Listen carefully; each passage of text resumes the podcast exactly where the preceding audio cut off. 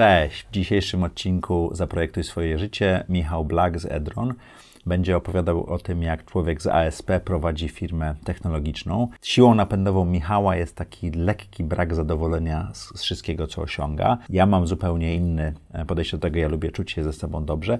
Pytanie do Was, czy wolicie czuć się ze sobą dobrze, czy wolicie, żeby właśnie ten brak zadowolenia był Waszą siłą napędową? Dajcie znać. Zaprojektuj swoje życie.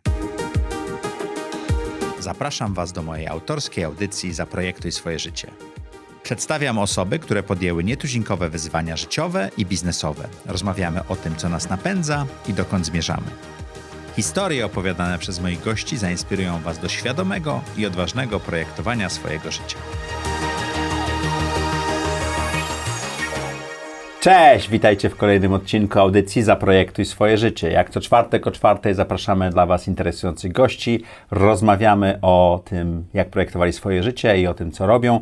Dzisiejszym gościem jest Michał Black, który przyjechał Cześć. do nas z Krakowa z lekkim opóźnieniem, bo pociąg nie dojechał, że się tak wyrażę, ale mamy spoko. Studio dzisiaj się rozpadało, było wiercenie i tak dalej, więc trochę nerwowo, ale zaczniemy. Michale, dziękujemy, że tutaj przyjechałeś. Dzięki. Dziękujemy, że chcesz podzielić się swoją historią. To opowiedz nam, jak do tej pory wyglądało projektowanie Twojego życia. Wiesz co, moje życie, mm, można by powiedzieć, że składa się z takich pivotów kilku.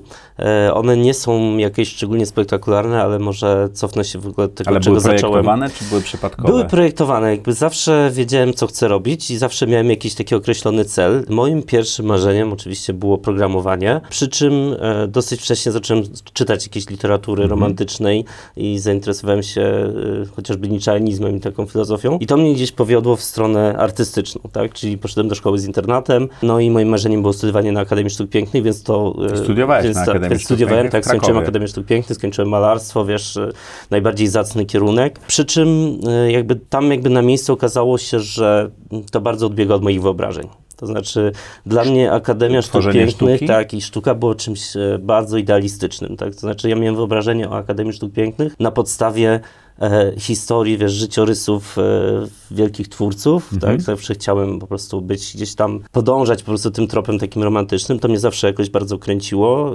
Założyłem, że zawsze będę, tak, zawsze będę biedny, wiesz, nic się po prostu nie uda, ale jakby cała ta sfera materialna jest nieistotna, tak, bo to nas w ogóle e, nie daje nam szczęścia i tak dalej. Tak sobie myślę czasem, że młodzi ludzie powinni nie czytać pewnych książek takich, wiesz, romantycznych, bo to może potem się różnie kończyć. No i przyszło rozczarowanie, bo wiesz, na tej akademii okazało się, że to nie jest wcale takie romantyczne, wręcz to jest pragmatyczne, że wiesz, robi się jakieś fuchy, wiesz, dla instytucji, wiesz, tutaj namaluje się jakieś scenki religijne, tam się po prostu odrestauruje jakiś obraz i tak dalej. Też się okazało, że ci wielcy artyści, u których boku chciałem studiować, to niekoniecznie są takie wielkie kariery, tak? Tego u nas się nie obserwowało niestety. Ym, Nie było jakby takich, wiesz, międzynarodowych nazwisk w sztuce, z którymi mógłbyś się inspirować, z którymi mógłbyś się spotkać. Yy, I to nie chodzi o naszą akademię generalnie. I to spowodowało tego pivota? I to spowodowało takie moje rozczarowanie, więc e, na tym malarstwie gdzieś e, mniej więcej w połowie pierwszego roku studiów przestałem malować.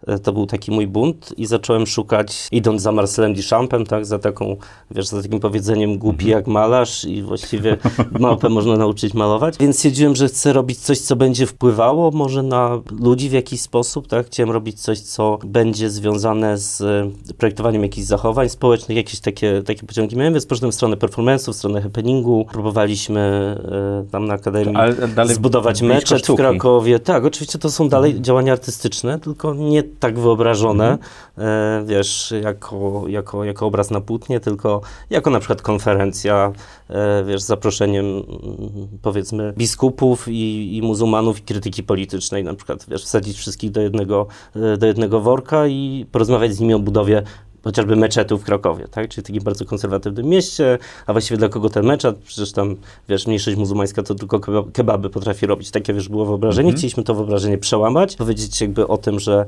mm, jakieś tam to jako mniejszości są... happening, czy jako... Tak, jako właśnie happening, Okej. ale właśnie jakby idąc za taką ideą sztuki, e, wiesz, awangardowej, ten happening miał coś zmieniać. To znaczy, to nie był taki happening per se, że wiesz, e, powstanie z tego, nie wiem, jakiś zapis albo jakaś, jakaś dokumentacja, tylko takie wyobrażenie, że hmm, artysta ma jakąś moc sprawczą, nie? Artysta to jest ktoś, kto może sprowokować do myślenia ludzi, przez to, że artyście wolno mówić rzeczy kontrowersyjne, artyście wolno podburzać, wiesz, y, jakieś tam przekonania innych ludzi. No bo artysta nie jest politykiem, nie musi dbać o swoją reputację, nie musi budować swojej kariery, wiesz, artysta może skończyć y, pod mostem, więc jemu wszystko wolno. Może nie uwierzycie, ale my rozmawiamy z Michałem dlatego, że prowadzi, założył startup technologiczny, czy już teraz firmę technologiczną, ale kontynuujmy, bo tylko chciałem Tak, tak, trochę okej.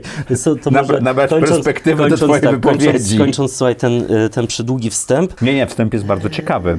tak, Słuchaj, dla mnie to wiesz, jest y- fascynujące. jakby w czasie tych studiów to mi się podobało, ale tam też przyszły kolejne jakby rozczarowania, to znaczy takie, że znowu gdzieś ten idealizm, wiesz, zaczął mi, e, zaczął mnie gdzieś tam e, doskwierać, że okej, możemy być idealistami, możemy właśnie próbować zmieniać te, te standardy i tak dalej w sztuce, ale to też okazuje się jest instytucjonalne, czy zinstytucjonalizowane, tak, czyli to też jest związane z tym, że musisz jakoś projektować swoją karierę, a ja dalej wierzyłem w to, że, że tego nie możesz muszę robić, robić, że mogę być wolny. No więc ym, stwierdziłem, ok, no to może zacznę się zajmować e, czymś związanym z ambient marketingiem. Tak udało się poznać e, takiego człowieka, Zbyszka Woźnowskiego, który mm, gdzieś tam teraz e, w sferze gamingowej działa. Wpadliśmy na taki pomysł, że w ramach agencji marketingowej stworzymy dział ambient marketingu. Okej. Tak? Czyli będziemy tworzyć różnego rodzaju wywrotowe akcje, które można komercjalizować, ale które wywodzą się ze sztuk plastycznych, powiedzmy. No i to były działania tego rodzaju, jak na przykład podniesienie wartości inwestycji deweloperskiej poprzez stworzenie kolekcji sztuki. Czyli kupujesz dom, w domu jest jeden obraz, obraz jest częścią kolekcji, kolekcja ma większą wartość niż jeden pojedynczy obraz, więc ty kupując dom, kupujesz udział w kolekcji dzieł sztuki, która Okej. się składa z 25 obrazów, tyle ile było domków. I na koniec dnia taka znowu idealistyczna wizja, żeby poznać kolekcję całą, której jesteś właścicielem, czy Musisz, musisz, współwłaścicielem. musisz poznać sąsiadów. Musisz poznać wszystkich sąsiadów, czyli musisz Okej. zapukać do wszystkich drzwi. Jak to tak? zadziałało? E, No tak to zadziałało, że deweloper e, zbankrutował i, i nie zbudował tego osiedla w Niepołomicach, ale, ale jakby gdzieś tam tych część, e, część działań została zrobiona, no chociażby jemu to dało jakieś tam, wiesz, promocje, powiedzmy, e, gdzieś ten temat był nagłaśniany w mediach, nie?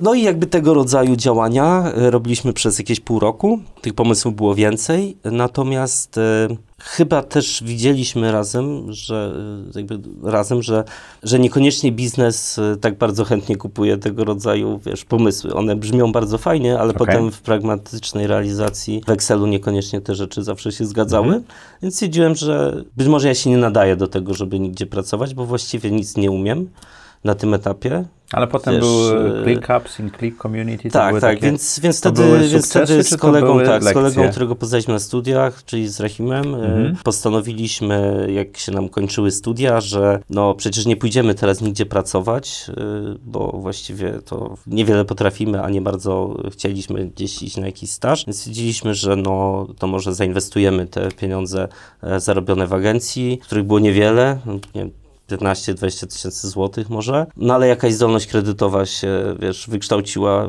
przez tam parę Czyli miesięcy jak, pracy. Czy, czyli trochę jak ziemia obiecana. Ja nie mam nic, ty tak, nie masz nic, dokładnie. zbudujemy Czyli my fabrykę, nie, tak? mieliśmy, nie, mieliśmy nic, nie mieliśmy za bardzo wiedzy, mieliśmy tam trochę powiedzmy pasji, gdzieś tam interesowały nas nowe media, interesowała nas e, social media, jakby cała rewolucja, która za tym, wiesz, miała Mhm. nadejść, 2007 rok powiedzmy. Wtedy stwierdziliśmy, ok, jedyne na co nas stać, to na założenie jakiegoś biura i założenie firmy. E, więc wzięliśmy ten kredyt, e, za te pieniądze kupiliśmy płytki, jakoś je tam położyliśmy własnym sumptem, tak? E, no i zatrudniliśmy pierwsze, pierwsze osoby, zaczęliśmy szukać klientów, no i jakby w ten sposób... To była agencja. Sposób, to była agencja, tak, no Okej. bo wiesz, agencja to jest coś, co wiesz, właściwie Łatwo odpalić. łatwo odpalić. Oczywiście bardzo trudno prowadzić, bo Mhm. agencyjny biznes jest chyba najtrudniejszym, jaki sobie Ciągle można sprzedajesz. wyobrazić. Nie ma, nie ma momentu, że tak, już tak, klienci tak. I odchodzą i, akurat, ta- przychodzą. akurat sprzedawanie jest przyjemne w biznesie agencyjnym, natomiast e, no wiesz, na końcu jakość usługi idzie w parze z ceną tej usługi, Tak. a te ceny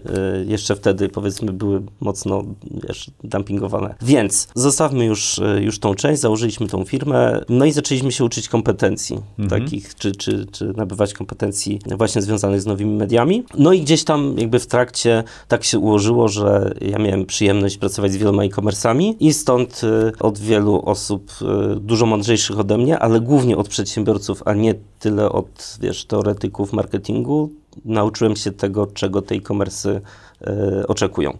Czego im stąd- brakuje czego i im działa. brakuje i tak dalej, więc jakby pomijając te, te kilka firm po drodze. Ale to ja, tam- ja miałem pytanie, Tak? nie, nie, nie usłyszałeś, spróbuję zadać jeszcze raz. To były sukcesy, czy to były lekcje, te kilka firm po drodze?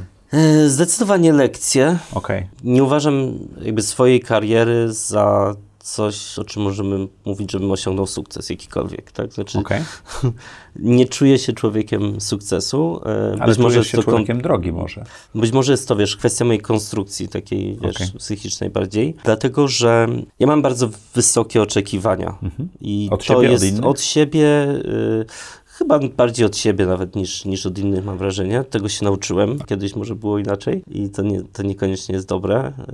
Będąc szefem, który swoje frustracje, wiesz, y, przelewa na oczekiwania wobec innych, to jest chyba najgorszy model zarządzania, Okej. jaki można sobie wyobrazić. Ale to też y, tego się nauczyłem. Natomiast wymagania od siebie, tak? W buddyzmie, żeby zaznać spokoju, trzeba się wyzbyć wszystkich pragnień. Ja jestem typem osoby, która e, ciągle czegoś pragnie i ciągle, e, wiesz, e, ciągle cierpi, ale czerpie z tego cierpienia takiego jakąś satysfakcję, nie? Czyli Te pragnienia są twoją siłą napędową? są tak, tak, zdecydowanie. Pragnienia, porażki, próbowanie różnych rzeczy, połowiczne sukcesy. Właściwie, wiesz, czego bym nie robił, to zawsze uważam ten wynik za jakiś połowiczny sukces. I to cię trochę frustruje, ale dużo bardziej napędza, tak? Tak, frustracja jest dla mnie zawsze takim, wiesz, motorem napędowym. Ciekawe, to to ciekawe. znaczy, wiesz, Jeżeli- jakaś jeżeli siebie porażka, rozumiesz, to to jest tak, bardzo... jakaś porażka zawsze, wiesz, daje mi, y, okej, jest, wiesz, przepraszam, fakt, nie? Ale to daje, y, to daje jakby taką potem możliwość porozmawiania z kimś o tym, kurczę, co zrobiliśmy źle, jak, wiesz, jakie wnioski z tego wyciągnąć i tak dalej.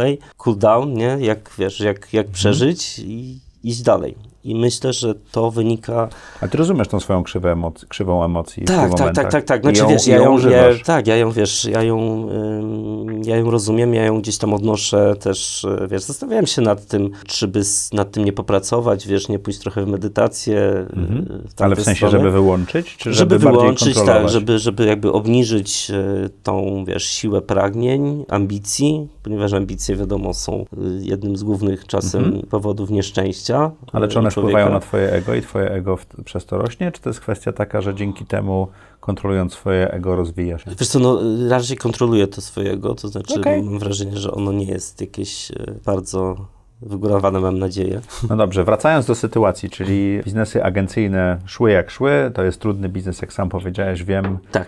Udało się, E, wiesz, zbudować kilkudziesięcioosobową firmę ale to jest tak dalej. ciągła walka, Tak, żeby, tak, żeby wiesz, to zrobić. Tak, tak. I spotkaliście paru praktyków e-commerce'u i wymyśliliście, wymyśliłeś biznes, tak? Dobrze zrozumiałem? Tak, i wiesz co, i wtedy poszedłem taką, e, taką ścieżką, wiesz, typowego e, myślenia startupowego, wiesz, po przeczytaniu jakichś książek typu Lean Startup i tak dalej, takie, wiesz, e, e, akademickie podejście, Mhm. e, czyli, wiesz, porozmawiaj z klientami, tak, wywiady, ankiety i tak dalej. Bardzo szybkie wyjście z produktem do klienta, takie, gdzie jakby, wiesz, nie mieliśmy właściwie nic, oprócz symulacji działającego Produktem systemu. jest ECRM, tak? Tak, Dla tak, e-commerce'u. Dla e-commerce'u, tak. To jest takie, takie narzędzie, które ma tam komplementarnie Mhm. A kto był waszym pierwszym klientem, z którym rozmawialiście? Pierwsi klienci to były całkiem spore e-commerce, takie jak e, chociażby XCOM, tak, Okej. czy, czy, e, czy, czy City Sport Duka, więc to jest nawet takie, wiesz, I, I chętnie z wami marki. rozmawiali? Tak, o dziwo chętnie z nami roz, rozmawiali, Bo chociaż jakby ja nie miałem... problem, rozumiem, tak, zagubionych ja- koszyków i Ja nie miałem tam, rzeczy. wiesz, ja nie, ja nie byłem jeszcze w tym środowisku, nie? To znaczy, wiesz, ja nie Okej. byłem, po pierwsze Kraków, okej, to może słaba wymówka, ale mm, no jakoś nie byłem w tym środowisku, tak? Nie znałem tych ludzi, więc musiałem jakby od zera ich zainteresować e, samym jakby produktem. Bo wyście nie mieli nic poza pomysłem na początku. Więc nie mieliśmy nic poza pomysłem i poza researchem, nie? Czyli udało się z... Okej, czyli mieliście dane. Ale to by, był research, wiesz, nie w takim rozumieniu, że jakby głębokich danych Mhm. e, z jakiegoś, wiesz, e, z jakiejś firmy konsultingowej, tylko, tylko research własny, czyli, wiesz, ileś tam e, setek, powiedzmy, rozmów szybkich, wiesz, gdzieś na czacie albo telefonicznych z klientami. Które można było Wiesz, zebrać i które można było pokazać. zebrać takie pytania typu, no, co wiecie o swoich klientach, co robicie ze swoją bazą Mhm. i tak dalej, i tak dalej. Oczywiście takie klasyczne, na początku wszyscy mówili, że wiedzą wszystko, a jak zaczynałeś pytać o szczegóły, to się okazywało, że często nie wiedzą Nic. wiele. Może tak, ale e, przede wszystkim, że te dane gdzieś tam powiedzmy wyciekają. Albo że ktoś Okej. niby ma te dane, ale w sumie nie wiadomo gdzie je trzyma, jak one są strukturyzowane. Wiedzą ci, którzy kupili, którzy zarejestrowali się, ale niekoniecznie ci, którzy przechodzą przez cały proces. Tak, rozumiem, tak, ale przede wszystkim wiesz, że my rozmawialiśmy z właścicielami sklepów, nie? Czyli jakby z tym, jak oni te dane Czyli wasz biznes jest ustawiony na, w modelu B2B. B2B, tak, tak, to jest Czyli tylko to jest B2B. od razu B2B. łatwiej Tak, tak, tak, budować, ale też lepiej trzeba trafić z produktem. Czyli No zanim tak. mieliście produkt, przeprowadziliście bardzo dobre rozpoznanie rynku i bardzo dobre rozmowy z potencjalnymi klientami. Tak. Przy czym rozmawialiśmy z klientami, ale nie rozmawialiśmy z doradcami, czy nie rozmawialiśmy za bardzo z inwestorami. To jest jakby y, taka Czyli moja nie szukaliście stała. To jest inwestora? moja stała, tak. To z jest moja żyliście? Agencja jeszcze działała? Y, tak, tak. Agencja jeszcze działała. Zresztą agencję sprzedaliśmy y, niedawno, bo w zeszłym roku. Czyli Y, agencja była takim motorem napędowym zrobienia dodatkowego biznesu, bo dzięki agencji No mogliście tak, no z agencji inwestować. mieliśmy, wiesz, jakiś zysk, który mogliśmy reinwestować jako prywatny kapitał. Okej. E, po prostu, czyli sami sobie byliśmy inwestorem w tej bootstrappingowej firmie w jakimś No sensie. poniekąd tak. Ale wiesz, jak ten biznes agencyjny y, mm, skupiliśmy się bardziej jakby na, na, na, na tym produkcie, no to ten biznes agencyjny przestał już e, wspierać produkt, tylko produkt sam zaczął się utrzymywać. Powiedziałeś takie czasu. piękne słowo, które ja uwielbiam, bootstrapping. Wytłumaczysz, co Tak, to znaczy tak, w tak, tak. środowisku Właśnie, e, e, tak, co, co, startupowym? tak. No, są jakby dwie ścieżki, czy dwie drogi, y, to przynajmniej dwie, które może sobie wybrać przedsiębiorca, który chce zbudować własną firmę.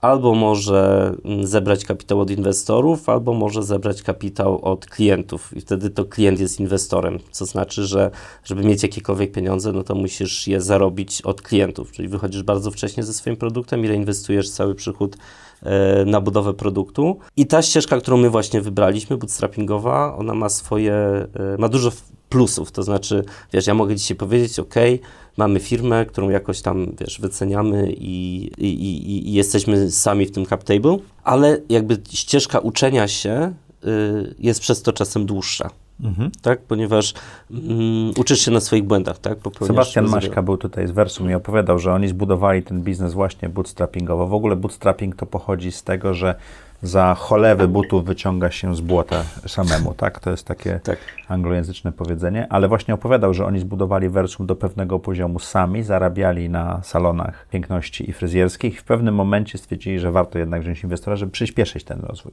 A wyście samofinansowali się z agencji i samo, a, a bardzo szybko zaczęliście samofinansować się z Tak, nie, no właściwie tak. Czy wiesz, jakby z agencji y, to mieliśmy na tyle pieniędzy, żeby zatrudnić dwóch programistów i właściwie niewiele więcej. Mhm. Potem tam jakieś kolejne, kolejne osoby y, i żebym ja na przykład miał, z, wiesz, za Na co jeść, tak, ale, Mhm. ale, ale niekoniecznie y, y, kupić niemiecki samochód wtedy. No to, y, to jakby, to był ten pierwszy krok. Natomiast dosyć szybko udało się jakby przekonywać klientów, że mamy trochę inny, powiedzmy, pomysł, y, taki reinvented. Natomiast nikt nam nie, nie doradził, bo nie rozmawialiśmy z inwestorami, że działamy na Czerwonym Oceanie.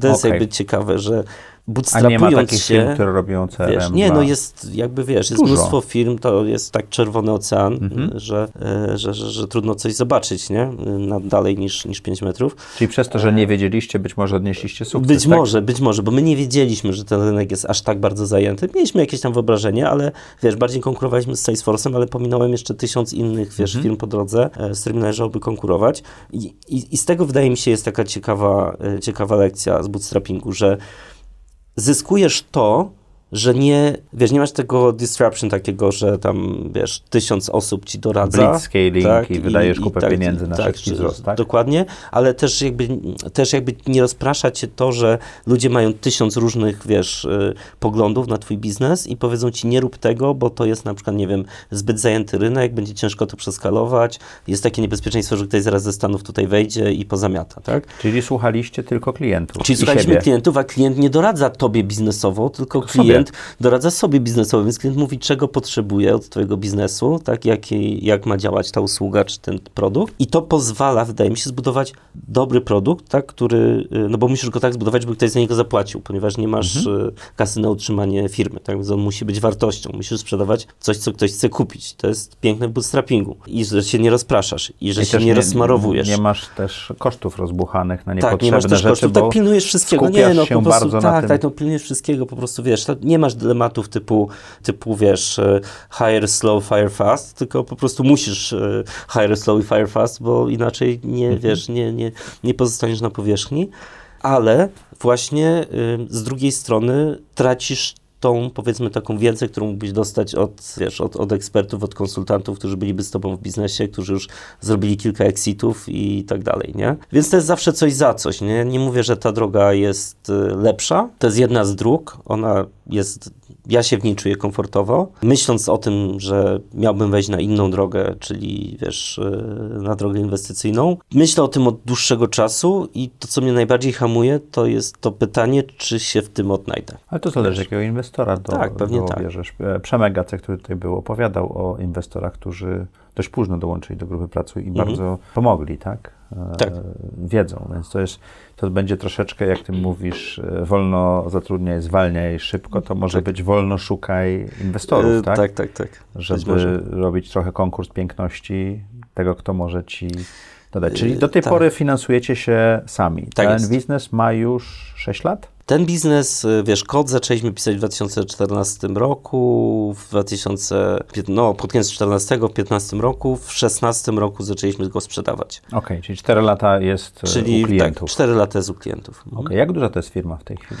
Wiesz co, to jest firma, która ma w Polsce w tamtym roku jakieś 6-7 milionów przychodów, plus Brazylia gdzieś w okolicach 10 milionów.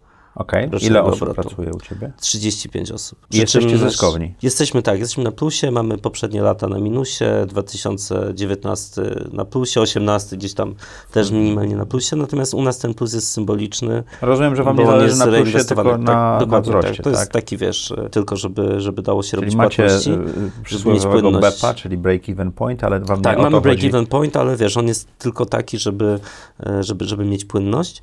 Mhm. Natomiast, natomiast jakby y, to, co wydaje mi się w tym biznesie też było y, takie, wiesz, najtrudniejsze, bo przeszliśmy jakąś tam szkołę, wiesz, z tym produktem, z tymi klientami, już wiemy, jak to robić, żeby, e, żeby dostarczać wartość dla klientów, ale potem pojawiło się inne wyzwanie, czyli jak wyjść z tego średniej wielkości kraju, jakim jest Polska, który jest e, pułapką. To jest tak, bardzo to jest, znane powiedzenie, tak, że pułapka średniego rynku. Dokładnie, bo to jest właśnie, e, żeby to wyjaśnić, chodzi o to, że jak budujesz startup w Estonii, no to albo wyjdziesz od razu na cały świat, albo, albo nic nie osiągniesz, tak? A jak budujesz w Polsce, no to... No to 6 milionów to jest całkiem fajna firma. To, to coś tutaj możesz, tak, to tutaj coś możesz sobie Milion zrobić. zysku, z tego możesz wypracować i, tak, i żyć, tak? dokładnie. No, pewnie tak. Tylko, że właśnie te ambicje są takie, że... To mówiłem. Prędzej się zadłużę na milion niż... niż, niż, niż osiądziesz. Niż, niż go wydam na, na, na konsumpcję. Ale, y, ale to już jest jakby, wiesz, znowu no, ta, ta miliony już ten niemiecki samochód, o którym wspomniałeś, by się tam Nie, no to tak nie, to niemieckie nie? nie są drogie, tak, tak, no. nie można jeździć. Słuchaj, ale o, o, zespole chciałem zapytać, bo zacząłeś od dwóch programistów, byliście we dwóch z Rahimem, rozwijaliście ten biznes. Jak dobierałeś zespół? Jak, jak, jak doszedłeś do tych 35 osób? No słuchaj, jak... najtrudniejsze chyba było zrekrutowanie y, CTO bo chciałem zacząć od rekrutacji CTO, co wydawało mi się takie rozsądne. Zresztą tak mi też tam ludzie doradzali różni. Tym bardziej, że jesteś artystą. Tym bardziej, że jestem artystą, więc to by się pewnie przydało. Chociaż i tak chyba dobrze, że zaczęliśmy od CTO, a nie od e, CFO, no ale tak nie było jakby z czego okay. dzielić, więc zaczęliśmy od CTO. No i... CTO jest udziałowcem? Nie, znaczy jest, e, ma option pool, więc mhm. w tym sensie. I no jak, jak po prostu przeprowadzić rozmowę rekrutacyjną takiej mhm. osoby, tak? Czyli jak zweryfikować jej kompetencje. No więc e, zacząłem czytać o ciekawych technologiach i przygotowałem sobie, wiesz, rozmowy rekrutacyjne. W sensie zadawałeś pytania tak, o nowych tak, technologiach. Tak, leciałem po prostu, wiesz, udawałem, że, że wiem o co chodzi dokładnie, więc y, przepytywałem ludzi, wiesz, z ACIDA i jakichś takich, wiesz, mhm. podstawowych rzeczy, Lambda i tym podobnych. I pytałem o nich, wiesz, o, o, o jakich technologiach y, myślą dla nas, czyli jakby też wiesz, w pewnym momencie rozmowy przyznawałem się do tego, że, Że w ogóle nie wiesz, o co że chodzi. w ogóle nie wiem o co chodzi, albo wiesz, że tylko teoretyzuję, ale to dawało taką fajną, fajnie ustawiało tą rozmowę, no nie? Mhm. E, Natomiast ten proces był bardzo długi. Osiem miesięcy zajęło mi znalezienie e, pierwszego A w tym czasie pracownika tych dwóch programistów Tak, chłopaki miałem, tak, kodowali, tak, tak, to chłopaki kodowali, ale wiesz, to było zarządzanie, wiesz, na Asanie, typu tam, Mhm. tu ci narysuję, jak to ma wyglądać i weź mi to, wiesz, Zrób. Tam, zrób, tak? E, I, i, i, I można było podzielić gości na, na frontend i backend, tak? Natomiast to było, to było ciekawe doświadczenie, bo przez te, wiesz, 8 miesięcy szukania tego CTO, ja się naprawdę dużo nauczyłem o technologii. Y, Od tych rozmówców, ludzi. Tak, tak, od tych rozmówców. Tak, i Okej. czytając, i od rozmówców. No, musiałeś się wiesz. przygotować do Tak, rozmów. i wiesz, oczywiście tam, wiesz, czytałem jakiegoś z polskiego, wiesz, takie rzeczy i Okej. tak dalej, nie? Też jak rozmawiać z ludźmi z IT, y, ale też jakby od nich dowiedziałem się, y, w jakich technologii należałoby użyć, czyli tak naprawdę proces rekrutacyjny był trochę pretekstem do tego, żeby stworzyć architekturę systemu Mhm. poniekąd, jakby wiesz, tysiąc różnych spojrzeń, więc to było ciekawe. No a potem jakby kolejne osoby, no i Piotrek jest, jest, I jest w między innymi dzięki temu, że nie miałeś pieniędzy, ten proces y, tak długo trwał, tak? Pewnie bo, bo tak. Chciałeś Wiesz co, tam podjąć... były ciekawe historie takie typu, że ktoś, wiesz, już podpisywał z nami umowę A i potem nagle nie. dzwonił, wiesz, Krzysiek mówi, wiesz, miałem rozmowę dzisiaj z żoną, powiedziałem, gdzie idę i ona powiedziała, wiesz, no sieć, e, sieć w tym Luxoftie, czy Zebr, czy o innym Onecie, wiesz, e, nie rób tego, pewno, tak, tak. tak, tak, tak. A to jeszcze były takie czasy, kiedy może jeszcze ten boom na IT nie był taki Mhm. duży, więc ci ludzie jeszcze nie czuli się tak bardzo pewnie, że Że na pewno a, to spróbuję, nie wyjdzie, to wiesz, zaraz dostanę fajną robotę. Teraz to bycie CTO w startupie wręcz teraz pomaga. to wiesz, nie, teraz to, teraz to wiesz, to małe Pom- ryzyko. pom- tak, to ktoś by, pomaga w znalezieniu kolejnej pracy. tak, tak, tak, to teraz wiesz, to, to, ale to były inne czasy, nie? Ludzie jakby wtedy Mhm. jeszcze nie wiedzieli, że tak łatwo będzie można znaleźć, czy zmieniać pracę y, w IT. Zatrudniliście CTO, kto był następny? Następne osoby to były osoby w e, obsłudze klientów, tak? Czyli Mhm. Bo już mieliście klientów. Bo już mieliśmy klientów, tak? A handlowcem E, kto był? Ja. Czyli ty Ja byłem handlowcem, tak. Właściwie, właściwie y, tak. Jeździłem, starałem się raczej robić kole. Jeździłem to, albo raczej starałem się z klientami spotykać na jakichś imprezach y, branżowych, powiedzmy, Mhm. jakichś targach, konferencjach, bo to była optymalizacja czasu. Tak, ja sobie też nie mogłem pozwolić na to, żeby y, jeździć na przykład do klientów i mieć, nie wiem, jedno spotkanie dziennie, gdzieś jechać, wiesz, na drugi koniec Polski. Bo to Warszawa, Częstochowa, Jelenia Góra, Tak, dużo dokładnie, więc to, wiesz, to, to, to, to było po prostu nieefektywne, czy byłoby nieefektywne, więc starałem się raczej z klientami się umawiać na jakieś tam, wiesz, Czyli imprezy. bardzo dobrze poznałeś klientów, zrozumiałeś technologię i to trwało mniej więcej rok czasu, tak? Tak, i to trwało mniej więcej rok czasu, potem, potem jakby zderzenie z rzeczywistością, czy to działało, czy nie działało, potem, wiesz, zabiliśmy tą pierwszą wersję produktu, y, która w ogóle nie działała, no, tak jak zwykle bywa i musieliśmy zrobić drugą, y, no i tą drugą już zaczęliśmy tam sprzedawać w tym Ale agencja, 2016 roku. agencja w tle działała i utrzymywała Agencja cały wtedy projekt. działała i wtedy podzieliliśmy kompetencje, czyli e, mój wspólnik Rahim zajął się tą częścią agencyjną, Mhm. a ja się skupiłem na Idronie, czyli Okej. na tym produkcie. Czyli też można było nie denerwować się, że coś... E, No, przede wszystkim wiesz, no też chodziło o to, że my, my te biznesy z Rahimem mamy tak 50-50, bo chyba z racji tej, tej, tej artystycznej proweniencji, że nigdy jakoś tam nie liczyliśmy tych udziałów, ale wiesz, zawsze tak w biznesie wydaje mi się, że jest, że, że, że nie powinno być dwóch liderów, tak? To znaczy fajnie, jeśli lider potrafi słuchać i wiesz, e, jego kompetencje są, są sumą kompetencji wszystkich ludzi w firmie, tak? Okej.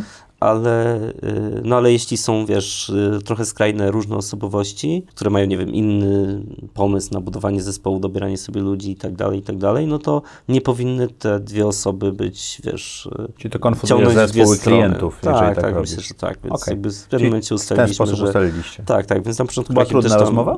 Co, to było naturalne, nie? To się, Okej. to nawet nie była rozmowa, to była, wiesz, to był taki proces, to się tak, wiesz, powoli, powoli powiedzmy rozchodziło. Ja miałem coraz więcej obowiązków y, w Idronie, y, coraz, wiesz, y, fajniejszych ludzi mogłem zatrudniać i od nich się wiele uczyć Mhm. i, i, i tym samym przestałem się interesować tą częścią agencyjną. Jak dobierasz ludzi? Jaka jest, czego szukasz w osobach, które dołączają do zespołu? Wiesz co, to zależy od stanowiska, znaczy jakby oddziału Okej. bardziej, tak? Znaczy my sobie y, mamy powiedzmy taką spójną kulturę, y, kulturę organizacyjną, natomiast y, każdy dział to są trochę inne charaktery ludzi.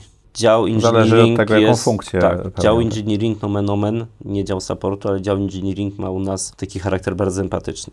Tam są Okej. ludzie empatyczni, tak? Wiesz, dział, powiedzmy, customer care jest bardziej radosny i tak dalej. Więc to są, y, oczywiście tak teraz trochę, wiesz, upraszczam, ale w różnych zespołach różnie są dobierane te kompetencje. Natomiast jeśli tylko mnie na to stać, to zawsze staram się y, dobierać ludzi, od których czegoś się mogę nauczyć, czyli Mhm. najczęściej ludzi, którzy gdzieś już kiedyś pracowali i wiesz, I coś y, coś, coś, coś skądś wynieśli, ale też nie zawsze to się dobrze, ym, dobrze kończy.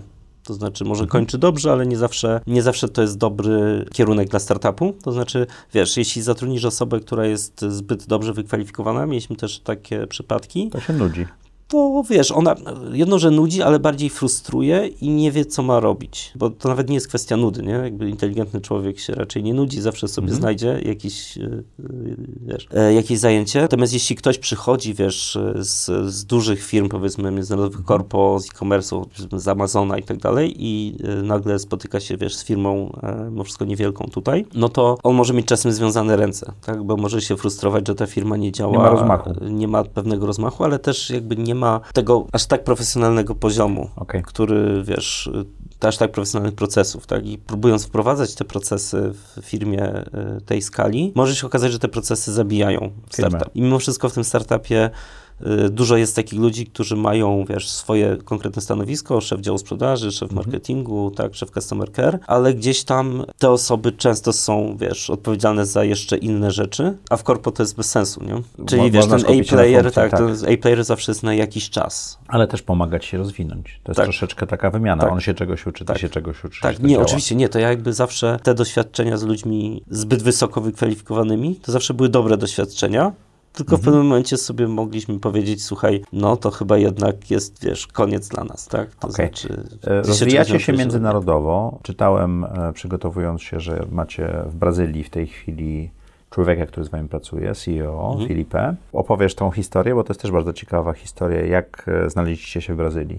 Tak, no i to był znowu, wiesz, taki element tego bootstrappingu. To znaczy, szukaliśmy sposobu na to, jak wyjść na rynki zagraniczne, tak? Czyli wracamy do tego znowu, do tej, Do tej do tej, pułapki do tej rynku pułapki średniego. średniego rynku, tak? No i na, wiesz, różnymi sposobami jeździliśmy na jakieś targi, rozmawialiśmy z zagranicznymi klientami. Coś zawsze po prostu nie działało, wiesz. Zawsze Mhm. ci klienci, jacyś ze Stanów czy z Niemiec, oni zawsze gdzieś tam odchodzili. Coś było nie tak.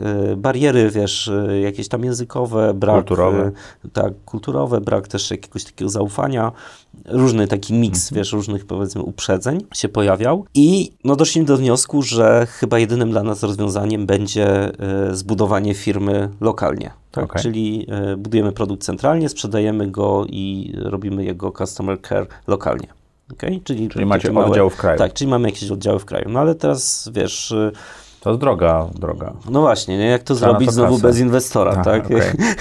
Wiesz, no, yy, niewolnictwo na szczęście zostało zniesione, więc nie mieliśmy Okej. takich, takich zakusów.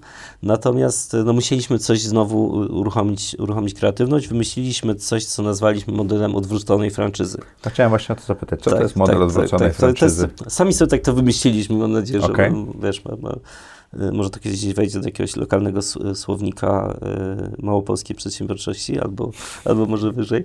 Okej, ale y, y, polega to na tym, że mamy ograniczony kapitał, który możemy Mhm. zainwestować, jednocześnie nie mając tak dużego brandu, czy tak rozpoznawalnego, za który ktoś chciałby płacić opłatę franczyzową. Okej. Okay? Czyli nie tak jak Salesforce, któremu ktoś może płacić za licencję na sprzedaż Salesforce. Więc, ale chcieliśmy budować te działy lokalne, więc e, część kapitału tak, przeznaczamy na pensję dla takiej osoby, która ma doświadczenie w e, sprzedaży W lokalnym e-commerce, rynku. w lokalnym rynku, jest native'em, tak, jest e, Mhm. w przypadku Felipe, tak, Felipe jest Brazylijczykiem, jest z São Paulo. Felipe poznałem na jakichś targach, przedstawiłem mu ten pomysł, mówię mu, słuchaj, bo y, ty sprzedajesz tam, wiesz, jakieś usługi, Trusted Shops i tak dalej, e, słuchaj, e, będę ci płacił 2000 euro miesięcznie twojej pensji A za ekskluzywność. za to, żebyś mógł y, przeżyć Okej. za te pieniądze. Ale gdzieś tam, ekskluzywność, gdzieś żeby tam, nie- sobie, okej. gdzieś tam sobie jeździć. Dostajesz te 2000 i dostajesz, słuchaj, 100%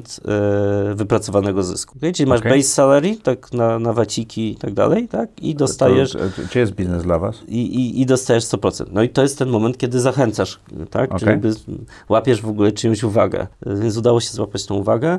No i kolejny krok jest taki, że wszystko, co zarobisz, e, w związku z tym, że traktujemy siebie jako przedsiębiorców nawzajem, wszystko, co zarobisz, e, ponad te 2000, musisz reinwestować w rozwój Biznes. działu sprzedaży na miejscu, w rozwój struktur i tak dalej. Okej. Tak? Tak się dogadaliśmy. Powyżej 10 tysięcy dolarów miesięcznego przychodu, jakoś tam dzielimy się tym, co jest powyżej 10 tysięcy, ale minimum te 10 tysięcy musisz reinwestować w siebie i w zespół. Dokładnie tak. No i to akurat zadziałało, tak? Czyli udało się tam dojść do, do, do tych 10 tysięcy dolarów przychodu pomysł, miesięcznego. jego pomysł, czy tak jakoś wyszło w rozmowie? To był jakby nasz, znaczy pomysł na franczyzę był nasz, natomiast e, Felipe e, miał taki pomysł, że on stworzył swoją firmę Sell to Brazil i on z kolei miał taki pomysł, że będzie europejski soft sprzedawał w Brazylii, bo tam ma kontakt, a widzisz, że to jest wschodzący rynek. Więc my mieliśmy ten pomysł na franczyzę, niekoniecznie myśląc o tym, że to będzie Brazylia. Brazylia była jednym tam z siedmiu krajów, które rozważaliśmy, a przypadkowo trochę wyszło to, że to była Brazylia, bo gdybym poznał, e, wiesz, Juana z Meksyku, to, To byłby to bylibyśmy w Meksyku. Ale to, to, to, że jeździłeś na międzynarodowe konferencje, to, że byłeś Tak, na Web Summitie tak, tak, tak. spowodowało, Jeździłem, tak, że jeździłem, tak, spotkałeś jeździłem, tak. takie osoby. Dokładnie to tak. Nie siedziałeś w na międzynarodowe, Krakowie. tak, jeździłem na międzynarodowe konferencje, to było akurat, to akurat była w Londynie chyba. Pojechałem tam, żeby pozyskać partnerów w postaci, e, wiesz, angielskich czy brytyjskich e, agencji e-commerce'owych, z którymi nawiązałem kontakt, a dostałem. Felipe z Brazylii i w sumie e, trochę nie żałuję, więc, e, mm, więc no zawsze, wiesz, na koniec dnia e, fajnie jest poznawać takie, wiesz, Mhm. inne perspektywy i, i zawsze z tego można coś fajnego wyciągnąć. No i to nam, to nam się udało, więc e, podobny model teraz zaczęliśmy robić w Hiszpanii. Trochę inny model testujemy w Meksyku. E, Zobaczymy, e, jakby co z tego, co z tego wyjdzie. I ten biznes rośnie w Brazylii? Tak, ten biznes w Brazylii rośnie jakieś e, 6,5-7%. A poza Brazylią. Meksykiem macie jeszcze jakieś kraje, gdzie tam się rozwijacie w ten Wiesz co, sposób? Czy nie, razie y, wszystkie inne kraje, czyli wiesz, klienci, których mamy trafili gdzieś tam... pojedynczo? Tak, wiesz, mamy klientów, y, oczywiście tam, wiesz, Niemcy, Wielka Brytania i tak dalej, no ale zdarzają się też klienci z Australii na przykład. No dobrze, ale- są, ale to są, wiesz, takie, no ktoś gdzieś, wiesz, przez przypadek usłyszał. Patrząc in- inwestorsko w tej chwili, no macie biznes, który zarabia tam, znaczy obrotu ma prawie 2 miliony, 1,5 miliona euro, tak, więc już Tak, zaczyna ten, ten być... z Polski, no plus ten brazylijski ma, wiesz, kolejne pół miliona, więc one są tak... Okej, to podchodzicie po, po powyżej 2 milionów Tak. euro, już jesteście ciekawi. Czy to nie jest ten moment, żeby poszukać inwestora, który zainwestuje i spowoduje, że jesteście w stanie szybciej się rozwijać? Czy dalej chcesz robić bootstrapping, czy, Yy. czy siedzisz na płocie i się zastanawiasz? Nie, wiesz, to zastanawiam się od jakichś dwóch lat z hakiem. Tym. Zazwyczaj Bo gdzieś jesteście tam... daleko po MVP, już macie z- produkt. Tak, tak, tak. I teraz, y, wiesz, y, gadałem z tam jakimiś znajomymi z różnych tam funduszy. Mówią, wiesz, Michał, nie macie szans na inwestycje. Mówię, Bo? Dlaczego? Albo wy jesteście już za duzi w ogóle na, wiesz, y, polskie VC, tutaj nie ma takich ticketów. Tak, wiesz, taka ale, rozmowa ale, sprzed ale roku. są przed różne roku. fundusze, inwestują tak, w dokładnie. różnym momencie. Tak. Dokładnie tak, więc to tak naprawdę my się trochę wymykamy takiej idealnej wersji firmy, w którą można zainwestować, ponieważ e, tak, mamy już dojrzały biznes, to nie zawsze jest fajne dla inwestora i to jest w ogóle też ważne, żeby, nie wiem, osoby, które myślą o tym, jak planować tą swoją firmę i, i może się chcą zains- zainspirować bootstrapem, czy bootstrappingiem, to żeby sobie to wzięły pod uwagę, że bootstrapping jest też pewnego rodzaju pułapką, a mianowicie taką, że w pewnym momencie nie będziesz już idealnym kandydatem, czy kąskiem, czy partnerem, wspólnikiem dla każdego VC. Dla VC, które inwestuje w serię seedową, tak? Raz, że Dla inwestycja... VC, które będzie inwestowało w serię A, B i C, to nie Tak, zupełnie inna ale, sytuacja. Tak, natomiast VC, które inwestuje w serię A, z kolei często ma takie podejście, wiesz, fajnie, gdybyś miał historię seedową. w sensie inwestorów. Fajnie, tak, fajnie, gdybyś e, ty nam pokazał, że już kiedyś zebrałeś, nie wiem, 100 tysięcy dolarów na przykład, tak, i te pieniądze jakoś tam wydałeś i Okej. twoja firma jest już zbudowana pod tym, pod to kryterium. No ale z drugiej strony nie musisz się dzielić A, wiesz, udziałami. a ja jestem, a ja jestem, wiesz, ym, domorosłym, powiedzmy, przedsiębiorcą, który jakby nie znał tych procesów wcześniej, więc jestem w takiej grupie wyższego ryzyka. Dla inwestorów. No dobrze, ale jeżeli biznes ci wypali, bo 20 lat temu w Polsce nikt nie zbierał funduszy, ludzie po prostu od, Tak, odpalali biznes. Jeżeli biznes ci wypali i na nim będziesz zarabiał i to zadziała, no to nie dzieliłeś się udziałami z nikim, prawda? A nie, to oczywiście, tak, więc oczywiście mówię tylko o tym, że to się jakby wymyka takiej klasycznej, e, klasycznej strategii, ale nie mówię, że nie ma na to chętnych, czy nie ma na to, Tak, wiesz, no, potencjału. Pytanie, czy klasyczna strategia jest właściwa dla tak, tak, tak. ciebie i dla warto, twojego biznesu. warto o tym pomyśleć, nie? Bo jakby wiesz, ja, dla mnie wydawało się oczywiste to, że jeśli wyjdę z, czy jeśli zacznę szukać inwestora w momencie, w którym udowodniłem trakcję Mhm. i udowodniłem, wiesz, że ten biznes się skaluje, to, że właściwie będzie to dużo prostszy proces. Okazuje się, że on jest dużo trudniejszy, bo e, po pierwsze, jakby musisz się przestawić na te oczekiwania, które Mhm. mają inwestorzy, a dwa, musisz też w swojej firmie e, zacząć używać narzędzi, które niekoniecznie były ci potrzebne, jak nie miałeś wspólników. Na przykład? E, Wiesz, e, na przykład odpowiednio pokazywane key metrics, które, Okej. wiesz,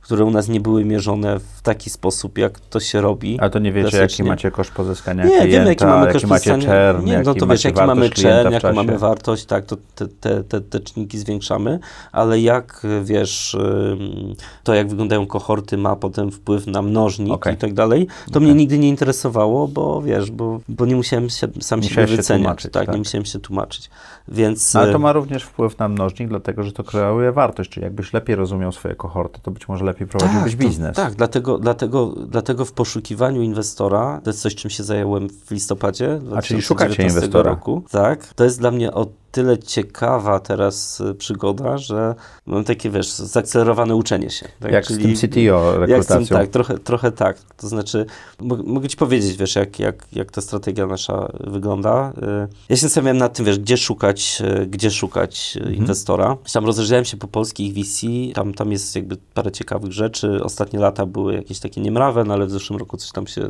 ruszyło, jakieś inwestycje się pojawiły. No, no, rekordowy rok był, jeżeli chodzi o inwestycje. Tak, natomiast wcześniejszy rok, wiesz, 2018, no to wiesz, to, to, to, to, było, to było coś niewiarygodnego. Znaczy, jak ja patrzyłem na te liczby, myślałem, kurczę, to ja bym chciał zebrać, nie wiem, Więcej niż wiesz, było 25% tej kasy, którą Tak. była zainwestowana w całym kraju, nie? Więc to trochę brzmiało y, surrealistycznie. No, ale to, gdzie zacząłem szukać inwestorów, to znowu taka, wiesz, kwestia przypadku, że jak pomyślałem o tym, dobra, to jest dobry moment, to okazało się, że w listopadzie i w grudniu są trzy imprezy, czyli Web Summit, Slash i Mhm. TechCrunch Disrupt i wszystkie trzy są, w, wiesz, w, w rozciągnięte na 30 chyba dwa dni, więc, I nikogo nie ma. y, więc, więc fajnie, wiesz, że po, po prostu pojechałem na te trzy imprezy, umówiłem sobie 60 spotkań z inwestorami. Czyli na każdej zupełnie- imprezie miałeś po 20 no, spotkań. na każdym miałem 20 plus spotkań, tak, więc ponad, ponad 60 pracujesz. spotkań. No tak, ale wiesz, no do Excela sobie wrzuciłem wszystkich, tak, wiesz, tam przerobiłem 500 lidów na każdą imprezę i umówiłem się, wiesz, od, odrzucałem takich, z którymi wiedziałem, że na pewno nic nie będzie po drodze, ale takich, którzy byli dla mnie niepewni, typu, wiesz, jakiś VC ze Stanów, które, wiesz, raczej się nami nie zainteresuje, bo nie inwestuje na przykład, Mhm. wiesz, w tym, w tym regionie, to stwierdziłem, ok, z nimi też chcę się spotkać, bo chcę Żeby pozna- poćwiczyć? Tak, bo chcę, wiesz, chcę w ogóle poznać cały ten, cały ten język, ale ale też, kurczę, tak naprawdę możesz się czegoś dobrego dowiedzieć, ciekawego, tak? Przepraszam, y, chodzi mi o ten proces, czyli postanowiłeś, że jedziesz na trzy imprezy, Tak. bardzo ważne. Tak, zacząłem od Excela. Finlandia, Portugalia, Tak nie pamiętam, co tam było trzecie. Y, Berlin. Berlin. Zrobiłeś sobie, Excel- zapisałeś się na te imprezy, wydałeś pieniądze. Tak, tak, wydałem jakieś tak, tak. jakieś E, zrobiłeś sobie Excela. Tak jest. ściągając informacje z Tak, tych, od nich, kto będzie. tak, tak, bazy, no i tam albo dostałem bazę, albo musiałem, wiesz, Ręcznie. po liście tam szukać na LinkedInie i tak dalej. Ale tak. zrobiłeś sobie i Ale zacząłeś, sobie zacząłeś zastanawiać z kim, tak? Tak, I zacząłem się dlaczego? zastanawiać z kim. A potem... y, A potem z nimi po prostu, wiesz, na zimno wysyłać pitch decka i, wiesz, I się prostą, prostą historię. No na LinkedInie, jak zapraszasz kogoś do kontaktów, to nie masz zbyt dużo miejsca. No, to piszesz, że jesteś firmą strapującą się z Polski i doszedłeś od zera w 16 do, Do do, dwóch 2 milionów milionów dolarów teraz. No i, dolarów, tak. i jakby to jest całe moje story, nie? I jakby co Ale dalej. to już było ciekawe story prawdopodobnie, bo oni takich rzeczy nie dostają zazwyczaj, Y, tak, tak, tak, więc to zazwyczaj było ciekawe jaki miałeś story. response rate na to? Ile osób odpowiedziało Eee, Wiesz procentowo? co, y, no musiałem przerobić, myślę, że jakieś 15-20% z takiego kolda miałem. Mówisz miałem 500 do 20, to całkiem niezły, Tak, niezły tak, tak, wynik, tak, tak? tak. No, tylko wiesz, by część to jest totalny brak po- maczu, nie? Czasem masz tak, że wiesz... To się zdarza. Jak te spotkania wyszły? To trochę zależy od tych imprez, bo one są, one są Różne. trochę różne, ale generalnie y, to jest taki speed dating. Nie? Tak, no to jest 15-20 minut. To są, zazwyczaj, tak, to są 15-20 minut, potem wiesz, Wolf ktoś... Summit e, robi podobnie potem w Polsce. Z, z kilkoma, tak, z kilkoma, ja nigdy nie byłem na Wolf Summit, wiesz, bo się nie Okej. interesowałem wcześniej tym, a A zamierzam teraz w tym roku pojechać w marcu. Nie, Okej. pojadę, wiesz, w marcu, ciekaw No jestem. to się spotkamy. To, no, słuchaj, no i y, jest, jest to taki speed dating, potem bardzo często, wiesz, ktoś cię zaprasza na jakieś tam jeszcze piwo czy, czy, czy szampana, żeby coś tam więcej pogadać. Natomiast jakby zobaczyłem, że też y, bardzo różne są podejścia, a co ciekawe, te podejścia są geograficzne, czy jakby różnią się geograficznie. Znaczy, większość Niemców, z którymi, nie chcę generalizować, ale niestety tak to wygląda, większość Niemców, z którymi rozmawiasz, ma jakąś swoją, wiesz, listę y, pytań albo swoje, wiesz, koncepcje. Powiedzmy, Brytyjczycy mają swoje, Amerykanie swoje, y, albo w ogóle Amerykanie Czyli powtarzały, zachodniego powtarzały się. inne. Czyli twoje,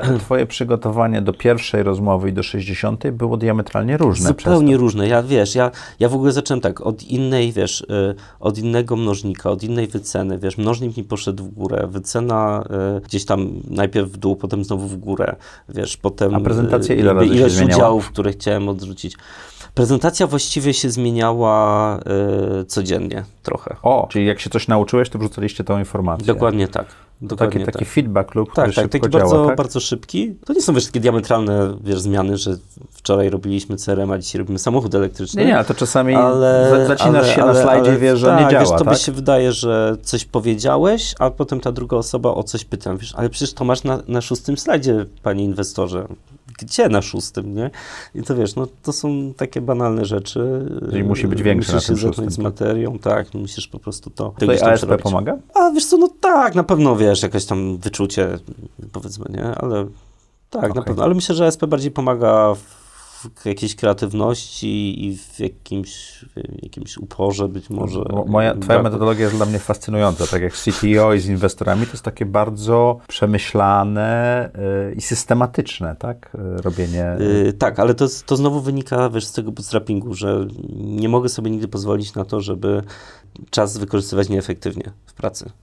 Chociaż Tak. nie mam, chociaż mam z tym pewną trudność, bo wiesz, nie mam przygotowania akademickiego do bycia przedsiębiorcą, więc nie mam MBA. narzędzi. No tak, no robiłem, wiesz, takiego przyspieszonego MBA na, na, na Uniwersytecie Łódzkim, natomiast jakby, wiesz, no to, no to to jest to, tak, ale wiesz, nie studiowałem zarządzania, wiesz, nie, nie jakby wszystkich rzeczy musiałem się uczyć, więc pe- pewne czyli braki muszę to, nadrabiać wy- efektywnością.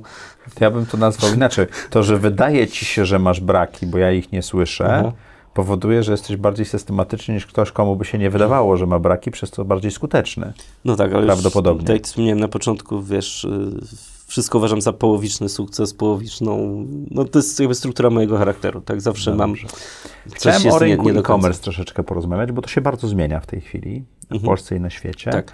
Jakbyś nam troszeczkę opowiedział, co się stanie w e-commerce w najbliższym czasie, albo co się dzieje, to jeszcze ciekawiej będzie. Wiesz, no za jakiś czas y, Amazon wykupi wszystkie firmy i będziemy mieli jeden sklep, nie będziemy mieli po prostu firmy, spoz- firmy pozycjonujące ślicznie, upadną. Dziękujemy Wam ślicznie, na tym kończymy audycję.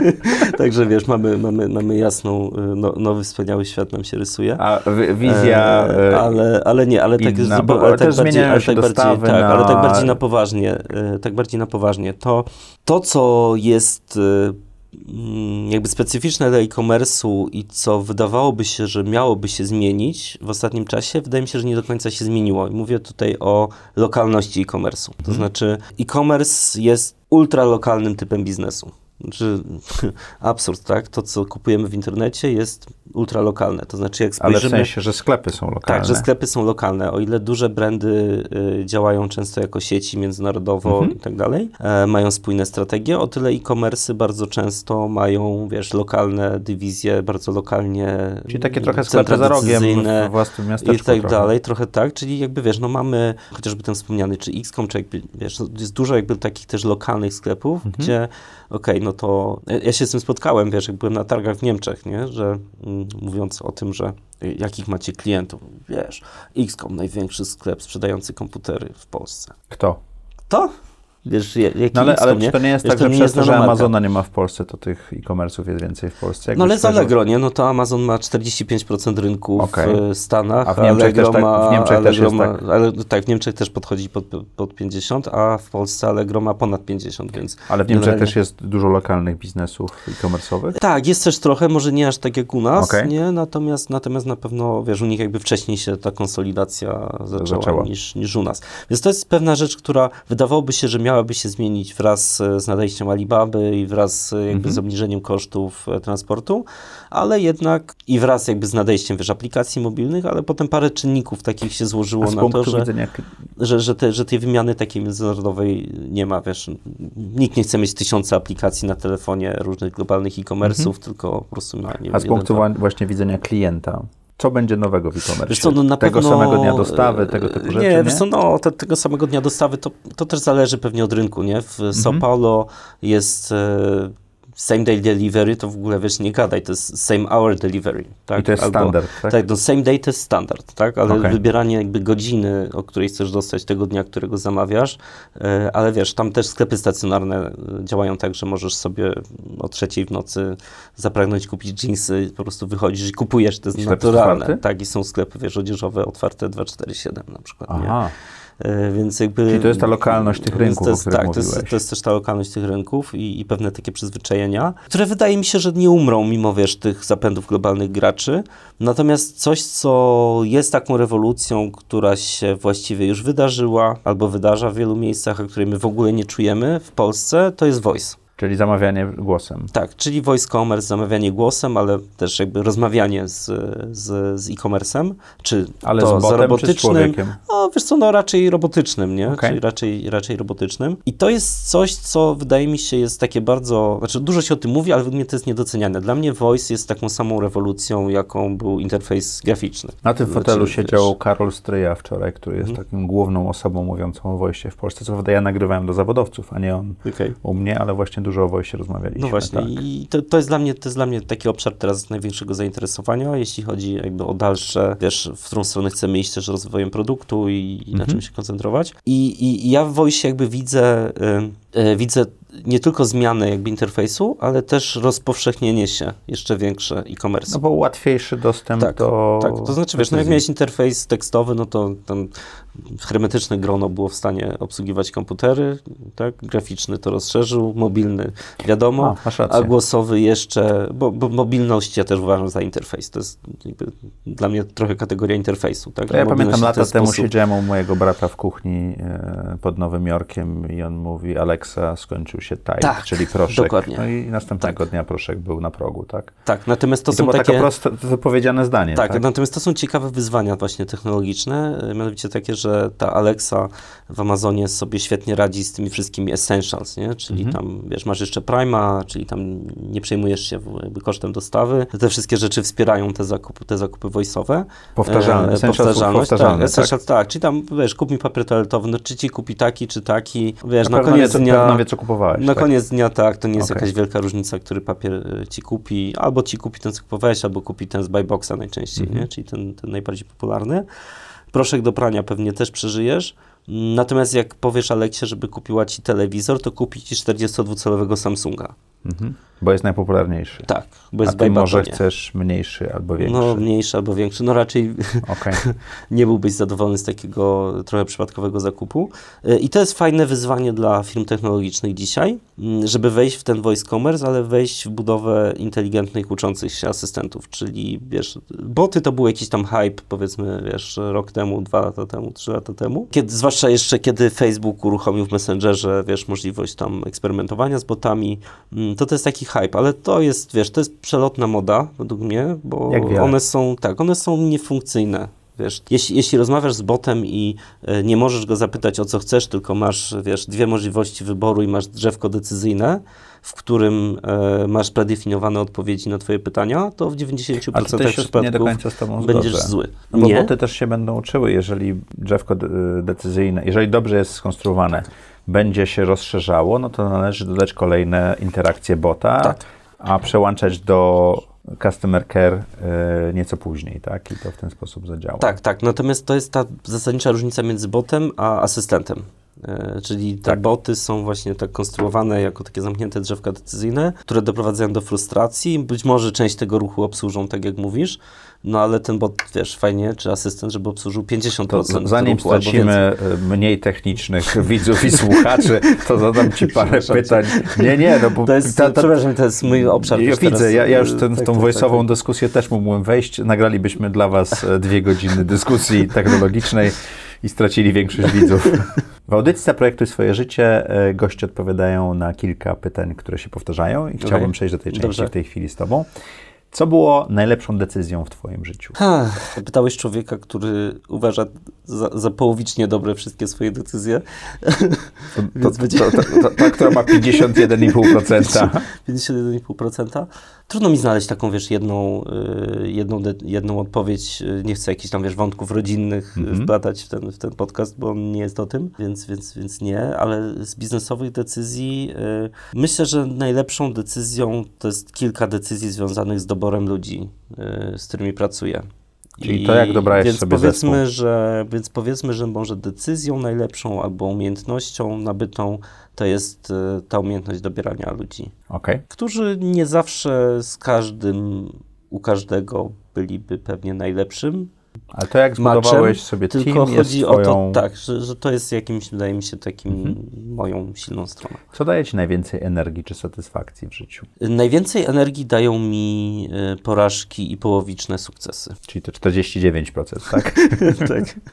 Okej. Okay. Czyli to rozmawialiśmy o tym, czyli tak, to jest to, co cię tak, napędza. To mnie napędza zdecydowanie. Dobrze. E, tak. Jak wygląda twój typowy dzień pracy? Mój typowy dzień pracy wygląda tak, że po tym jak już wyprowadzę psy, zawiozę syna do przedszkola i przebiegnę e, z 5 przynajmniej kilometrów na bieżni albo 10, e, no to zaczynam tą pracę mniej więcej koło, biurze jestem, staram się być przed dziewiątą. Mój dzień pracy zaczyna się od spotkań, mhm. czyli od od takich spotkań jeden na jeden. W każdy dzień jest spotkanie jeden na jeden z jednym z menadżerów. Oprócz tego są takie cykliczne spotkania e, C-levelowe, typu memo, które się odbywa wiesz, raz w miesiącu, albo, e, albo, albo, albo stand-upy, e, albo też stirko. To są takie jakby stałe elementy mojego kalendarza. pomysły, jak zbudować te spotkania? Wiesz co, od tych mądrych ludzi, których zatrudnialiśmy okay. w międzyczasie, okay. którzy, wiesz, y, potem albo u nas zostali, albo poszli Ale zostawili dalej, wiedzę. Ale zostawili te, te, te procesy, y, które się fajnie sprawdzają. I raczej mój początek dnia zaczyna się zawsze od tego e, stałego momentu w kalendarzu. To jest taka decyzja świadoma, żeby nie przychodzić do pracy i nie zaczynać dnia, broń Boże, od skrzynki mailowej, od wiesz, jakichś e, planowania rzeczy. Bo to rozprasza? Tak, kiedyś robiłem tak, że planowałem sobie dzień wcześniej swój dzień mhm. pracy, ale to też nie jest, e, nie jest najlepsze, ponieważ ja mam być dla wszystkich, a nie dla siebie. Mhm. Tak, ja mam być e, od tego, żeby ludziom pomagać, jakby takie problemy rozwiązywać, które są między działami i tak dalej, nie? Więc, więc ja jestem po to, żeby od rana być do dyspozycji e, tych osób, z którymi się umówiłem na spotkania, które są bite w kalendarzu bardzo dawno i to się sprawdza. Czyli każdy przychodzi na spotkanie Czyli spotykasz się, inwestujesz w zespół, co Dokładnie potem? tak. Potem mam, e, w zależności od tego, jaki projekt prowadzę, tak? Czyli jakby moje stanowisko jest takie, że jestem dla ludzi, czyli jestem głównie e, e, po to, żeby pracować e, z ludźmi, im coś powiedzmy doradzać, albo podejmować za nich trudne decyzje, kiedy oni już mówią, że już, że już nie chcą. Natomiast potem to zależy od tego, jaki projekt prowadzę. Tak? Mhm. Czyli jeśli teraz się skupiłem na tym projekcie związanym z pozyskiwaniem kapitału, Czyli jesteś poza zespołem bardziej. To tak? wtedy tak, to wtedy angażuję dużą część czasu w to, żeby mieć te 3-4 kole z inwestorami w ciągu dnia.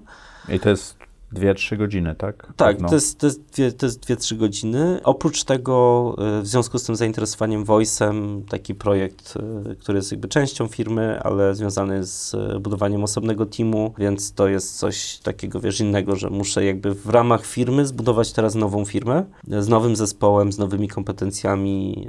No tak, bo Voice to jest inny interfejs zupełnie. Tak, tak, tak. No, wiesz, jakby wiele rzeczy oczywiście się łączy, nie, ale ale no chociażby trzeba jakby poszukać ludzi Do której pracujesz? Wiesz co, dosyć długo pracuję, wydaje mi się. Yy, To zazwyczaj, yy, zazwyczaj yy, to się kończy tam jakimś telefonem na Whatsappie od żony. I, Że to już mi czas, daje, tak? tak, tak.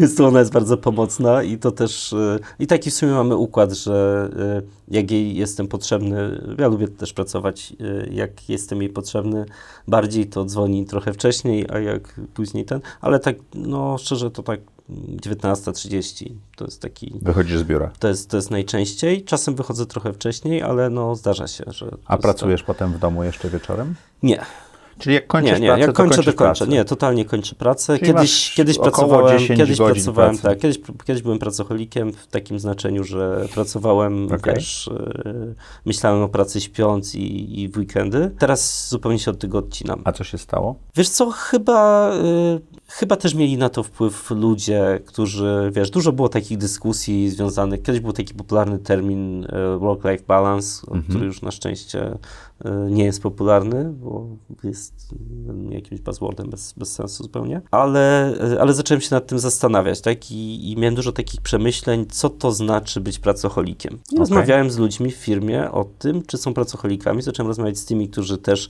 pracowali do późna, tam wiesz, w dziale handlowym jest jeden facet, który lubi o 22 odpisywać na każdy, wiesz, inboundowy lead, E-mail? tak, żeby, wiesz, wpisując w CRM-ie moje, moje, tak, no bo wiesz, łapie sobie kolejkę, wiadomo, typowy handlowiec, no i kiedyś z nim na jakimś wyjeździe no, o tym rozmawialiśmy, nie, mówię, słuchaj, no jak to jest z tym work-life balance, nie, czy ty uważasz, e, że, że ty jesteś pracocholikiem, że tak, e, wiesz, u mnie siedzisz, e, znaczy w domu siedzisz, no ale o 22, wiesz, widzę, że, że, że, odpowiadasz na staku, jakieś powiadomienie się pojawia. No i doszliśmy do takiego wniosku, że tak długo jak jesteś świadomy tego i to cię nie unieszczęśliwia, tak? Tylko ta praca jest, y, wiesz, to jest jakiś twój etos takiej pracy, nie? To, to tak długo to nie jest skrzywieniem, to tak długo to nie jest jakimś takim A jak zaczyna być problemem. problemem, to trzeba A jak zaczyna być świadomie. problemem, jeśli to jest tak, wiesz co, ona chyba najbardziej jest problemem w momencie, w którym pracujesz, chociaż niewiele by to zmieniło, albo niewiele, niewiele to ma sensu. Czyli jeśli masz odruch y, sprawdzania, czy coś ci przyszło na skrzynkę mailową, to znaczy, że to jest bez sensu, to, to, Okej. to nic nie zmieni, tak? Do czego dążysz? Do czego dążę? Słuchaj, chciałbym w, w biznesie, tak? W biznesie chciałbym jak najwięcej się rozwijać. Mam takie, wiesz, e, taką obawę, że, e, że kiedyś, nie wiem, nie, że, że ten czas jakby szybko ucieka, tak? Że, mm, żeby zbudować dużą firmę, patrząc na historię dużych firm, z pominięciem kilku, wiesz, tam, tak? Wyjątków potwierdzających reguły, to ten czas jest dosyć długi. E, I zbudowanie dużej globalnej organizacji jest czasochłonne, więc dążę No, do tego, dekad. żeby tak, kilka dekad, więc dążę do tego, żeby y, umieć się trochę szybciej uczyć albo coraz szybciej uczyć i umieć lepiej zarządzać tym czasem, który mi pozostał. Jaką masz supermoc? Ojej, To klasyczne pytanie w tej audycji, nie przygotowałeś się. wiesz co? Jaką mam supermoc? Wydaje mi się, że potrafię ym, rozwiązywać konflikty Okej? i wydaje mi się, że potrafię słuchać ludzi. I może to nie brzmi jako supermoc, ale wydaje mi się, że na moim stanowisku czy na mojej pozycji to jest dosyć unikatowa y, umiejętność, albo nie, nie każdy. y, Nie każdy to robi, przynajmniej Czyli wielu- łagodzenie, Tak, łagodzenie ła- konfliktów. i łagodzenie tak relacji. Tak, tak, wydaje mi się, że, że, że, że, że to potrafię robić. Seth Godin powiedział, że kim się otaczamy, takimi się stajemy. Czy te kręgi, które wypełniamy osobami, powodują, że takimi się stajemy. Twoje Power Five, te pięć osób wokół, Tak, wiesz co, no, wpływ? w- te Power Five, y, pytanie, czy jakby mówimy o, wiesz, całym uniwersum, czy mówimy o firmie? Jakkolwiek definiujesz sobie Okej. pięć co, osób, no, które ma na ciebie y, największy Tak, wiesz co, wpływ. no na pewno totalny wpływ ma dla, na mnie dziecko, bo to jest moje pierwsze dziecko, które ma 2,5 roku i właściwie to zupełnie Zmienia zmienia, świat. Y, Brzmi to oczywiście trywialnie, każdy tak mówi. y, Zobaczysz, jak urodzisz, nie? Ale, y, ale powiedzmy, daje to rzeczywiście mm, inną perspektywę i też dużo takiej, wiesz, dużo odprężenia tak naprawdę, dużo Okej. radości, dużo takiego, dużo rozrywki. A może, pozostałe tak. cztery osoby? To, to jest jakby, to jest pierwsza rzecz. Pozwolić, że włożę żonę do tego samego worka, żeby twój- jej... Znaczy nie wiedziałem, że żonę chcesz do worka wkładać. Ja mówiłem o kręgach. Pozdrawiamy tak- małżonkę, ja mówiłem o kręgach. Tak, tak, tak. Natomiast, y, więc, więc, więc pozwól, że się skupię bardziej na, na, na, na pracy i, i pominę też gdzieś przyjaciół, bo, bo, bo, bo, bo głównie o tym rozmawiamy. I teraz w pracy to jest na pewno, na pewno właśnie Piotrek, na pewno mój wspólnik, tak, mhm. Czyli Rahim. I na pewno te osoby, które, mm, które wzięły sobie odpowiedzialność w firmie, tak? Czyli chociażby Maciek, którego mhm. poznałeś już, miałeś z nim okazję gadać i Wiola, która jest też bardzo specyficzną osobą, o bardzo czyli, czyli specyficznym wybuchowym charakterze są... i wydaje mi się, że tylko, tylko w niewielu firmach bo byłaby w stanie się fajnie Ale twoja super moc pomaga. Y, a myślę, że moja supermoc pomaga, natomiast, natomiast y, to jest jakby ciekawe, tak, że u nas często mm, jakby takie skrajne nawet charaktery y, potrafią fajnie działać w firmie i, i mocno okay. windować firmę do przodu. Trzy rzeczy, które chciałbyś robić za trzy lata to? Chciałbym prowadzić globalną firmę, Okay. Tak? To, to, bo to, to będzie taki Edron? Taki naj, naj, naj, główny cel. To będzie Edron. Edron nie jest takim jakby skończonym bytem, ponieważ on musi iść za trendami mhm. technologicznymi, więc on się będzie pewnie nazywał Edron, a czy będzie wiesz, bardziej voice'em, czy kwantowym komputerem, to, to jeszcze zobaczymy. Um, więc to jest, to, jest na, to jest na pewno pierwsza rzecz. Um, druga rzecz to chciałbym chyba czerpać trochę więcej przyjemności z podróżowania, mhm. Y, bo jeszcze nad tym pracuję, że trochę mm, wyjazdy jakoś tak mnie wiesz, mało, mało pociągają, albo zaraz chcę wracać, więc to jest coś, nad, co, co, co, co chciałbym, nad czym chciałbym pracować, bo chciałbym parę miejsc zobaczyć, a, a, a, a gdzieś tam mi brakuje na to samozaparcia. I trzecia rzecz, co, co chciałbym zrobić, co, co co chciałbym tak, mieć. Trzy rzeczy, które chciałbyś robić za trzy które lata. chciałbym robić za trzy lata. I myślę, że mógłbym gdzieś na jakiś czas zamieszkać w innym miejscu. A gdzie jest to miejsce? Brazylia? Być może coś w Ameryce Południowej, mhm. jeszcze, jeszcze nie wiem co. Być może, być może Stany, dla nas rynek e, w tym momencie taki, na którym się w ogóle nie zastanawialiśmy, tak, więc pewnie chciałbym go poznać i, i obalić sobie Jeżeli parę chodzi o Stany, to polecam wywiad ze Stefanem Batory, który tak, bardzo dokładnie op tak, opisuje, wywiad, jak, tak, tak, tak, tak, jak to jest przeprowadzić całą rodzinę do Stanów. Książka która? Myślę, że jestem ostatnio pod wpływem Harariego, e, jakoś tak ciągiem. E, I będzie niedługo w Polsce. Jowita Michalska rzecz, go zaprosiła. Tak, tak? świetnie. No i, i, wydaje mi się, że każdy absolutnie mógłby sobie przeczytać 21 lekcji na XXI mhm. wiek, bo Dlaczego ta książka jest fajna? E, bo udało się, tam nie wiem, może w 500-600 stronach, nie wiem, e, skupić e, bardzo dużo trendów i wiedzy, e, takich, które moglibyśmy, wiesz, e, wyszukiwać albo musielibyśmy przeczytać e, kilkanaście innych książek, żeby je skumulować, bo wiesz, masz tam i trochę mhm. Kurzweila i trochę, wiesz, innych rzeczy historycznych. Więc ja przeczytałem najpierw tą książkę jakoś tam miesiąc temu, czy dwa miesiące temu, potem Sapiensa, teraz zaczynam Deusa. Okay. Więc Czyli jakoś od, tak od, nie, tak, to od, totalnie randomowo, wiesz, okay. tak, tak, tak, nie, nie nie, nie szedłem historycznie. Yy, tak, i fajna książka do polecenia, bo ona jest i fajna dla przedsiębiorców, i fajna dla ludzi, którzy się interesują, wiesz, tym, co jest bieżące, ale okay. też tych, którzy lubią historię. Więc. Michale, co chciałbyś, żeby nasi widzowie zapamiętali z tej rozmowy? Wiesz co, yy, ja mam takie, takie przeświadczenie, że yy, kiedyś już gdzieś tam wybrzmiało, że lepiej jest być trochę głodnym niż przejedzonym. Okej, okay. rozwiniesz tą myśl? Tak, to znaczy ja przez to, przez to jak, jak musiałem pracować, to zawsze zastanawiałem się nad tym, czy, czy wydawać pieniądze na coś, czy nie wydawać, tak? Ale to pociąga za sobą jakby cały sposób myślenia, czyli również podejmowanie głupich, niepotrzebnych decyzji. Więc y, myślę, że, że dieta jeśli tak to mogę nazwać.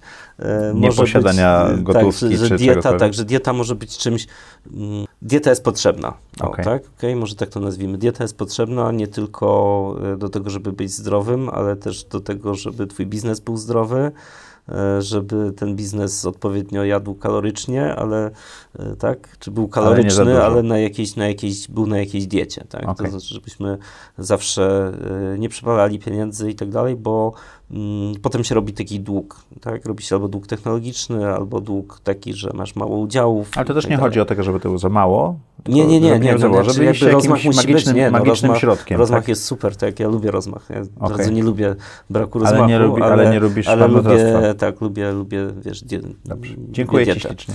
Mam nadzieję, że ten odcinek bardzo Wam się podobał. E, lajki, Wasze komentarze, dajcie znać, co o tym myślicie. I jak co czwartek o czwartej zapraszamy na kolejny odcinek. Zaprojektuj swoje życie.